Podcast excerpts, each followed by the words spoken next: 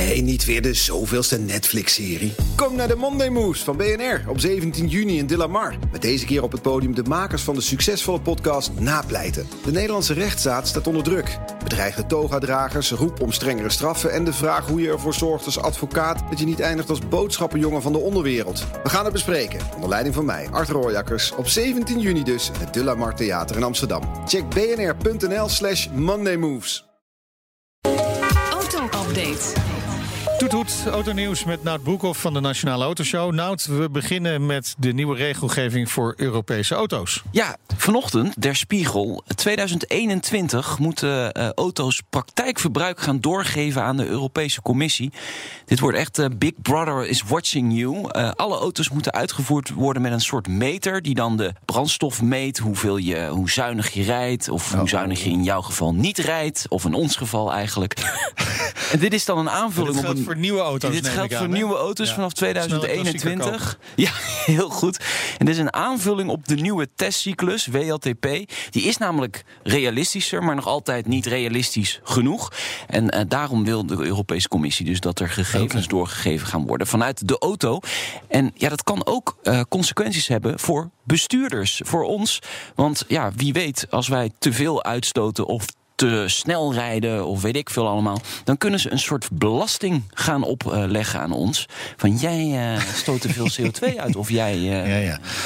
Hoe zou dat technisch werken dan? Want is het dan Ja. een, een, een simkaartje in je auto Dat is een zo? hele goede vraag, want daar zijn ze nog niet over uit. Hoe ze Oh. die gegevens gaan doorgeven aan de Europese Commissie, daar wordt nog aan gewerkt. Oké. Nout, jij hebt eh, geen kinderen, hè?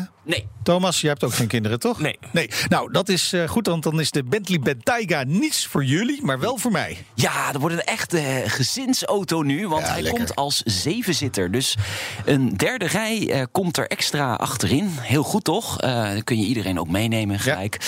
Dit is natuurlijk de meest luxueuze SUV die er is.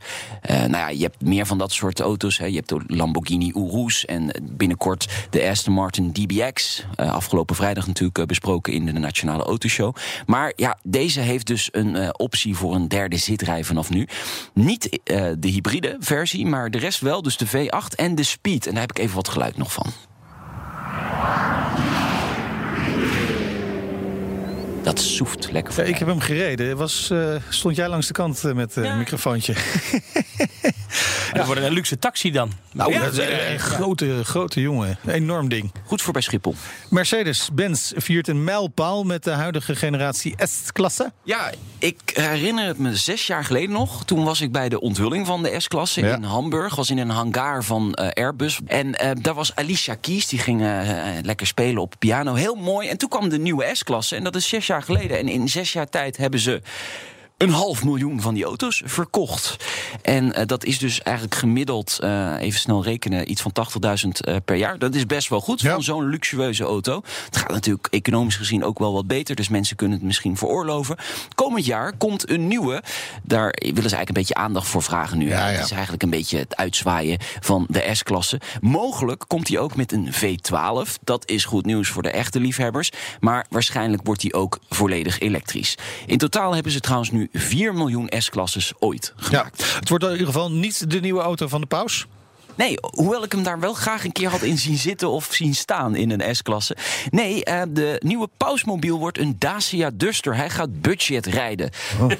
ja, Ja, Ja. Ik ben en Dacia dus. ja, Dacia Ja, Duster. moet, ja. hij, moet hij niet bij min 20 doen? Nee. Want dat doet de navigatie het niet meer, heb ik ervaren. Ja, je bent een keer op vakantie geweest met Ja, een met de Duster eh, Ja, naar ja, ja, ja. Oostenrijk, skivakantie. En, eh, ik heb de hele reis niks van mijn medepassagiers gehoord. Nee, nee, zoveel geluid maakt het Ja. ding. Ja. Het is natuurlijk een ding dat... eh, ik kom zelf uit een... eh, Ik vind het wel een leuke auto trouwens. Opgegroeid in een omgeving waar veel eh, christenen wonen. En, en Ja. dat zie je opvallend vaak in Dacia. Dus met een echte visserij. Ja, dat is natuurlijk niet katholiek, maar Nou, dat, dat, ja. Hij gaat natuurlijk nu door het dak, die Dacia Ja. Duster. Ja. want Iedereen wil dat ding hebben. Ja, maar het is wel een beetje de, de, de Panda 4x4 of... eh, de, Panda heeft hij ook gereden, De. Lada, Ja. Lada eh, Niva. Ja. Hè, dat dat is een Ja. beetje de, de opvolger daarvan. Dat is een leuke auto. Nou ja, zijn vorige auto was volgens mij een G-klasse. Dat vond ik wel, eh, dat, Ja. dat is wel nice. En trouwens, hij is helemaal omgebouwd, drie centimeter lager gemaakt, comfortabele achterbank. En hij moet natuurlijk kunnen staan. Dus hij heeft een panoramadak en dat kan helemaal open. En Lekker zeg, lekker. Eh, vanmiddag eh, is er weer een nationale autoshow. Ik ben er dan even niet bij, Nout. Oh, Ja, is goed dat je het even zegt. Ja, ben- heb, je, heb je vrij?